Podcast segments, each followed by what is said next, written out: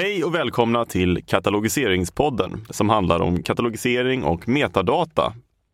Hej Emma! Hej Gunnar! God jul! God jul själv! Ja, lite i förskott. Du får en glad Lucia också. Precis, det är ju faktiskt eh, Lucia imorgon. Ja, det stämmer bra. Det är korrekt. Eh, vad ska vi prata om idag? Eh, idag ska vi prata lite om våra klassifikationssystem eh, SAB och Dewey, tänkte jag. Just precis. Mm. Och eh, jag heter Gunnar Rensfeldt och du heter? Jag heter Emma Tennevall. Ja, och vi jobbar här på BTJ. Mm. Så eh, jag tänkte att vi kunde öppna med en eh, liten kort historik om Dewey och SAB. Mm. Eh, och sen kan vi prata lite mer om skillnaderna och fördelarna och nackdelarna och Mm.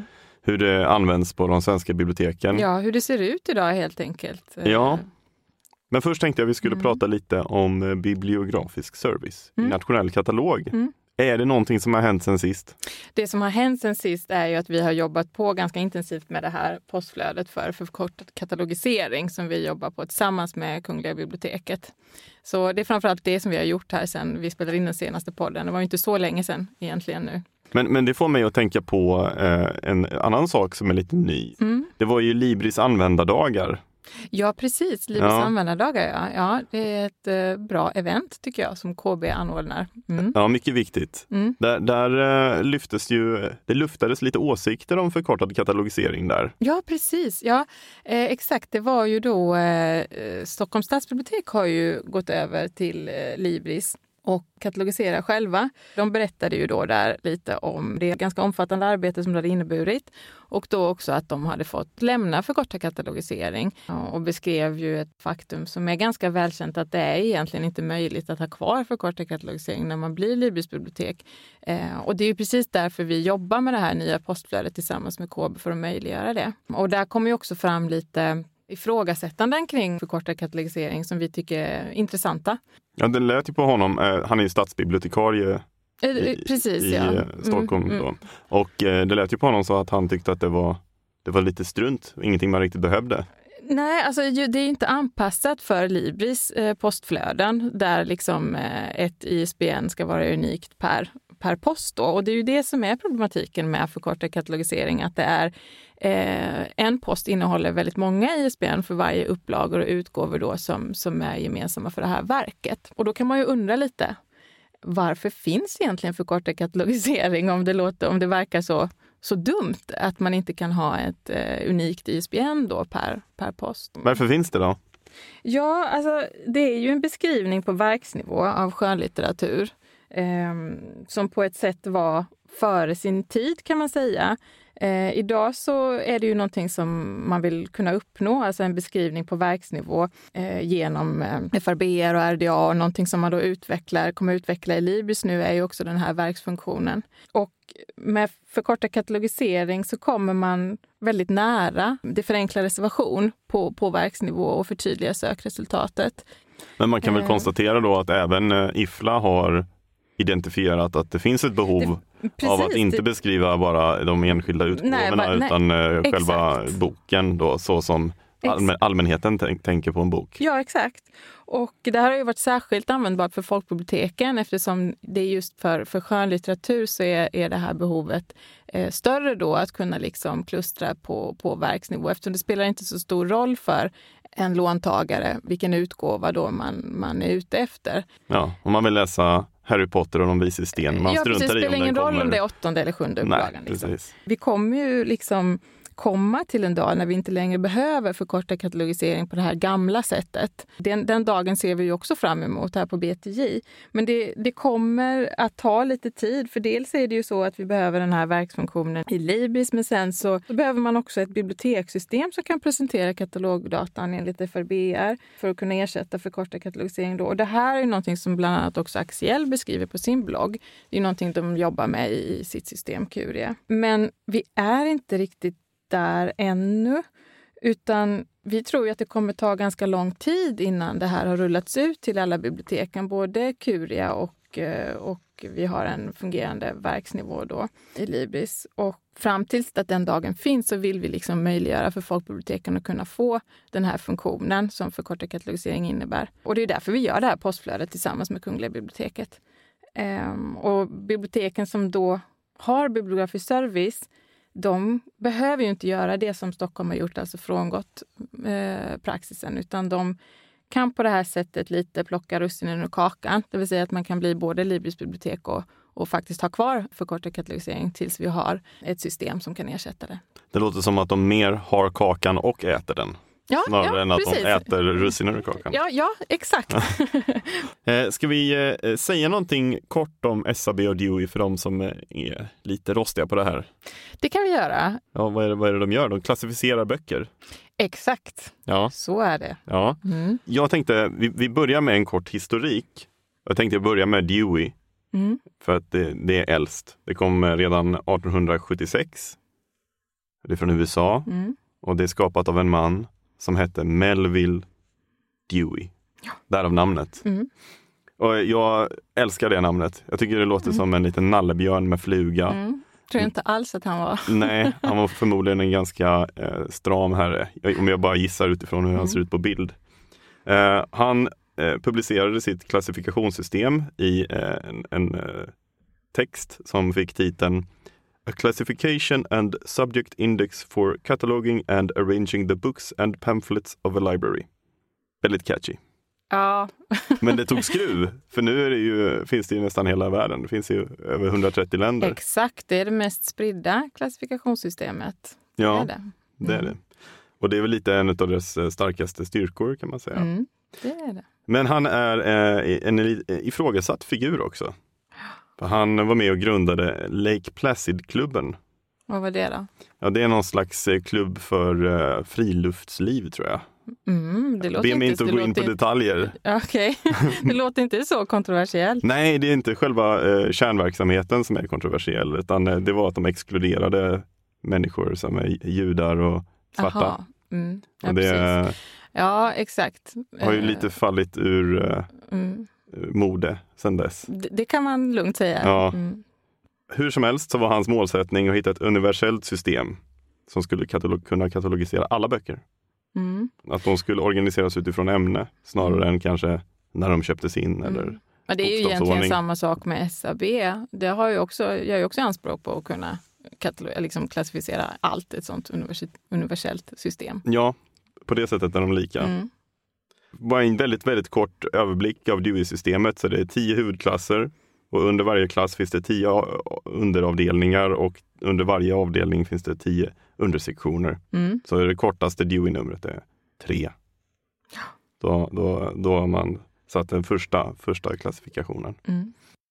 SAB, det skapades eh, 1921, eller infördes då. Och eh, det var Sveriges allmänna biblioteksförening som, Mm, som skapade det. Ja, det, det är där det kommer ifrån, De var ju- SAB. Precis, Ja. och de eh, ägde ju tidigare också då BTJ, ska vi ju inflika där. Just det. Och i, i början, här, på början på 1900-talet så fanns det en debatt i Sverige om vilket system man skulle ha.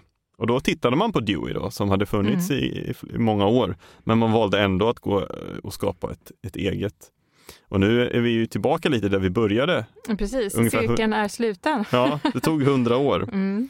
SAB i alla fall då, det byggde på den klassifikation som vid den tiden användes på de vetenskapliga biblioteken. Vilket ju är lite samma situation som vi har idag då, där Dewey-systemet används på de vetenskapliga biblioteken och sen Mm. så eh, har det eh, successivt börjat införas även på folkbiblioteken. Mm. Så det är intressant hur det går igen sådär. Och SAB det bygger på en systematisk del och en ämnesordsdel. Mm. Där har man då delat upp det så man har en alfabetisk och en systematisk avdelning. Ja, eh, kan du säga någonting lite snabbt eh, om varför vi har två stycken eh, system eh, på, på de svenska folkbiblioteken? Varför har vi blandat eh, Mm. Dewey och eh, SAB? Folkbiblioteken hade ju då SAB fram till 2008 då KB och Svensk biblioteksförening då också rekommenderade eh, Sveriges bibliotek att, att gå över till Dewey. Många bibliotek trodde då nog, tror jag, att man var tvungen att gå över. Kungliga biblioteket tog också över ansvaret för SAB-systemet som ju tidigare låg då hos Svensk biblioteksförening. Det är ju också någonting som BTJ var med under lång tid och Eh, underhöll genom de kommittéer som, som fanns. Det fanns kommittéer för SAB-systemet då där man eh, ombesörjde utvecklingen, alltså inordna nya ämnen och, och sånt varför vi har två system idag och varför, det, det är ju egentligen, frågan är ju egentligen varför har inte liksom den här övergången till Dewey gått snabbare? kan man ju undra lite. Tanken var ju från början tror jag att, att liksom nu skulle alla gå över till Dewey, vi ska ha ett system i Sverige. Men övergångstakten idag har ju varit, alltså om man tittar sedan 2008 då, nu när vi är i 2019, om, om, om det fortsätter i samma takt så kommer det ta ända till eh, till 2150 eller något sånt här. Oj, ja. tills, tills alla folkbibliotek har gått över till Dewey. Och då är det alltså först våra barnbarns barn som kommer vara säkra på att kunna gå in på ett folkbibliotek och se.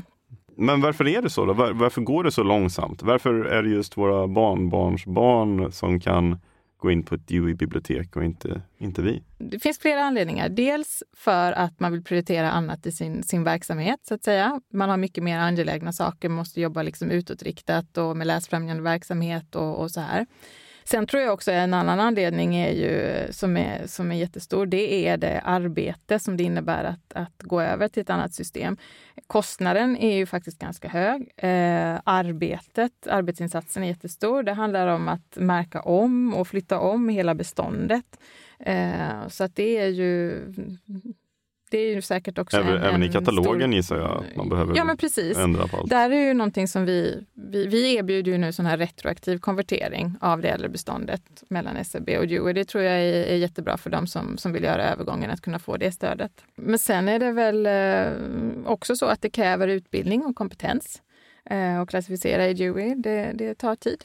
Så det är säkert eh, många av de anledningarna som, som står bakom. De som då väljer att gå över i, till Dewey, varför gör de det? Kan man undra när det finns så många argument eh, som man hör här till att folkbiblioteken inte går över.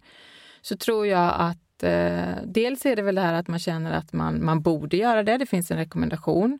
Sen är det också så att det faktum att, vi in, att det inte bedrivs någon, någon utveckling då av, av SAB på ett nationellt plan det blir också ett argument liksom i sig för många eh, folkbibliotek att gå över. Att man ser då att ja, nej, men det, SAB är ju liksom, det utvecklas ju inte längre, då måste vi gå över till Dewey. Klassifikationssystem måste ju alltid underhållas och utvecklas för att eh, kunna vara, fungera helt enkelt. Eh, vi på BTJ har ju gjort eh, viss utveckling av SAB internt för att vi har varit tvungna, därför att man behöver det för att kunna använda det i den utsträckning som vi gör. Vi har ju en intern grupp där man diskuterar också liksom var i systemet nya ämnen ska placeras och kopplat till ämnesord och etc. Eh, och det här är ju då någonting som vi ser särskilt när vi går in och arbetar i ett kooperativ som Libris, att eh, här finns det mycket större behov av att få den här utvecklingen att, att eh, bli tillgänglig för alla så att man kan se till exempel koppling till ämnesord eh, och, och, även utveckla vissa nya, nya klassifikationer till exempel Nordmakedonien eh, som, som ju behöver införas då i, i, i, systemet. Vi har ju då föreslagit till Kungliga biblioteket nu att, att BTJ kan ta över viss, viss eh, utveckling. Den, det som vi redan gör har vi, skulle vi gärna tillgängliggöra för alla folkbibliotek genom till exempel att eh, distribuera det i Mark 21-listan, göra det synligt då. Eh, har ni fått någon respons? Inte riktigt ännu, men eh, det är under diskussion. Ja. Så vi får se vad som händer där. Men vi tycker att det är en viktig fråga att, att driva framåt just eftersom vi har en situation där vi kommer få leva med parallella klassifikationssystem under väldigt, väldigt lång tid framöver. Just när det gäller skönlitteraturen så eh, vill ju folkbiblioteken inte använda Dewey eh, till, eh, till skönlitteraturen. Och det har ju att göra med att man i Dewey då ordnar, eller man klassificerar på originalspråket och inte på översättningsspråket som man gör i SAB. Och det här gör ju liksom att då skulle alla Harry Potter-böcker, vi har alltid Harry Potter som exempel. Ja, ja men det är ett bra exempel. men, då får ju alla Harry Potter-böcker, liksom, oavsett vilket språk de översätter på, stå på samma, samma plats. Och det här blir liksom inte speciellt användbart då för låntagarna, för ofta söker man ju liksom, man vill, man vill läsa, man kan inte läsa på alla språk. Utan man kan läsa på ett eller kanske två språk. Ja, det är få, för, få förunnat att läsa ja, på alla språk. Ja, precis. Eh, det är väl liksom, rent pragmatiskt så är det inte så, så effektivt. Och därför har vi ju, vill man ju då ställa upp ehm, de folkbibliotek som har Dewey använder ju oftast eh, någon form av klartext Eh, begrepp istället på, på skönlitteraturen. Där har ju också tagits fram en sån här nationell standard för, för märkning av skönlitteratur där som BTI har varit med och tagit fram i den här nationella arbetsgruppen för Dewey-frågor också tillsammans med KB. Och det är vi jätteglada för, för all sån här standarder så att säga är ju väldigt viktigt för en, för en leverantör om man ska kunna erbjuda eh, lösningar då eh, för, för eh, många bibliotek. Ja, eh, men det kanske klarnar lite här eh, varför KB framförallt då, mm. eller eh, flera andra inom bibliotekssverige tycker att vi ska gå över till Dewey. Om vi går in lite på vad skillnaderna är. Jag tänkte att vi kan börja med att lyssna på ett par ljud som jag spelade in. Okay. Jag, jag, pratade med Maria Jörgensen som är en fena på klassifikation om, om de olika systemen, SAB och Dewey. Mm. Och så frågade jag vad det bästa är med de, med de två systemen. Och jag, jag börjar med här med um, vad som är bäst med SAB. Ja. Och så får vi se vad, vad hon säger. Spännande. Det är anpassat efter svenska förhållanden. Det är ju ett svenskt system och därför är det ju lätt på så sätt att, um, att passa in det efter svenska förhållanden. Och det är ju också ett, uh, ett, ett relativt enkelt system tycker jag i alla fall att, att lära sig om man inte har någon uppfattning alls om några klassifikationssystem från början. Håller du med? Ja, det gör jag. Absolut. Det är lite enklare att arbeta med. Eh, Dewey är lite mer omfattande. Man bygger mycket mer kod med Dewey. Eh, där man lägger på sådana här facetter. Eh, I SAB-systemet är ju, det är inte lika mycket kodbyggande. De flesta koder finns. Liksom. Och det är också naturligtvis väldigt praktiskt att det är anpassat efter svenska förhållanden. Men om man går tillbaka till det här med fördelar och nackdelar med de här olika systemen så måste man ju, precis som du säger, man måste ju komma in lite på här varför, varför togs det egentligen beslut om att, om att eh, eh, eh, Sverige skulle gå över till Dewey då, från Svensk biblioteksförening och KBs sida? Ja, jag, jag tänker att, vi kan komma in på det när vi har lyssnat på vad Maria säger om Dewey. Okay. Så kan vi gå in på ja. det här stora varföret. Ja. varföret. Ja. Nej, men det är väl just att det är ett stort internationellt system som många känner till utanför Sverige. Eh, används mycket. Man kan eh, importera poster från andra kataloger utan att behöva fundera på klassningen mm. och bara ta den som finns om man använder sig av DOI. Och eh, det finns ju också en enorm, eh, enorma möjligheter för att bygga ut det här systemet och hamna på en mer exakt klassning mm. än, än ESAB. Ja. Mm två stora styrkor. Det ja. är stort och internationellt och mm. lämpar sig för utbyten. Och man kan vara väldigt precis. Mm. Det låter lite som att den, här, den sista punkten där är ett dubbeleggat svärd. Att det, om man kan vara så precis så mm. blir det också mer handpåläggning. Ja, och, och, så är det väl lite. Eh, men jag tror att liksom, det, det, hon är inne på här framför allt är ju det här att det är ett eh, internationellt eh, använt system, att det är så spritt. Och det gör ju då att eh, om man tittar på Dels som hon säger att man kan importera poster från andra kataloger. Det är ju det här att att liksom, det är rationalisering helt enkelt. Man, man såg ju kanske att vi kan utnyttja det arbete som görs på andra delar av världen eh, andra delar av världen. Både när det gäller att liksom kodsättande, där man bara kan liksom utnyttja koder på visst material som andra har satt. Men även när man tittar på själva utvecklingen så är det ju så att Dewey-systemet uppdateras ju kontinuerligt av en redaktion i USA, då som samarbetar också med redaktioner över hela världen. Det här är naturligtvis också en, en rationalisering. Sen så tror jag att eh, den andra saken som Maria sa här också, det är ju att, att eh, möjligheten att kunna vara betydligt mer specifik kanske än vad man kan vara med, med SAB. Det är ju någonting som har ett värde, kanske främst för, för forskningsbiblioteken som har ett liksom, behov av att kunna vara väldigt specialiserade när de klassificerar. De har mycket material om, eh, om ett särskilt ämne och så. Sen tror jag att anledningen till att man valde att rekommendera alla, alla bibliotek att gå över, inte bara forsknings och, och universitetsbiblioteken och så, det är ju helt enkelt också effektiviserings och rationaliseringsaspekterna liksom, med att bara ha ett klassifikationssystem i Sverige. Man kan inte blunda för det faktum att att eh, vi har två klassifikationssystem i Sverige och kommer ha under lång tid framöver. Så att, eh, jag tycker det som sagt av den anledningen är det dags att, att titta på hur vi ser till att, att SAB-systemet faktiskt eh, kan användas eh, framåt. Ehm, för att vi, det kommer bli väldigt svårt för, för eh, folkbiblioteken att gå över i den en, en snabbare takt tror jag. Ja, Okej Emma, jag, jag, tror vi har eh, sagt så mycket som man hinner om de här två systemen. Och eh, jag kan väl säga att eh, det, man kan prata hur länge vi som helst om det här. Vi skulle kunna prata jättelänge om ja. det här faktiskt och ta upp en massa andra aspekter och, och gå in på detalj på systemen och så. Absolut. Ja. Men vi hade bara 20 minuter. Precis. Man brukar ju säga så här, don't ask how the sausage is made.